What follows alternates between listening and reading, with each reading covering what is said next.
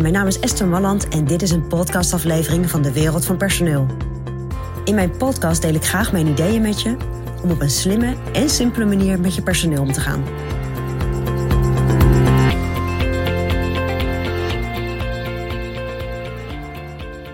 Ja, een functionerend gesprek met je medewerker.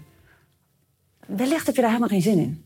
Maar dat hangt er ook natuurlijk vanaf hoe je functionerende gesprekken voert met je medewerker. En ik ga je vandaag twee gouden tips geven. En de eerste gouden tip is: praat niet over het verleden, maar praat over de toekomst met je medewerker. Neem je medewerker mee in je plannen. En vertel wat je plannen zijn, hoe iemand vanuit zijn rol daar een bijdrage aan kan leveren. Dus kijk naar de toekomst. Kijk niet naar het verleden. Tweede, tweede gouden tip, en dat is ook een hele belangrijke, is natuurlijk dat je kunt blijven in wat er niet goed is gegaan. Maar je kunt ook kijken naar wat er juist wel heel goed is gegaan. En uiteraard zijn er medewerkers die misschien niet zo goed hebben gefunctioneerd. of op sommige punten niet zo goed hebben gefunctioneerd. als je graag wilde. Nou, daar ga je serieus mee aan de slag. Maar met die, al die andere medewerkers die gewoon hartstikke fijn functioneren. ga het niet hebben over dingen die niet goed zijn gegaan. Ga het vooral hebben over de dingen die goed zijn gegaan. En hoe kan iemand in de stap naar de toekomst toe, waar je het net over hebt gehad.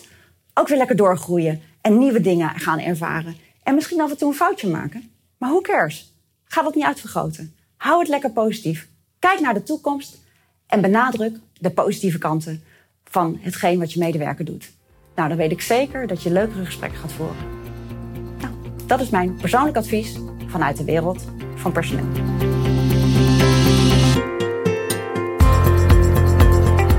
Wil je ontwikkelingen in de wereld van personeel blijven volgen?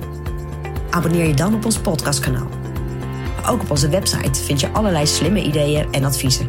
Dus kijk even rond op www.dewereldvanpersoneel.nl.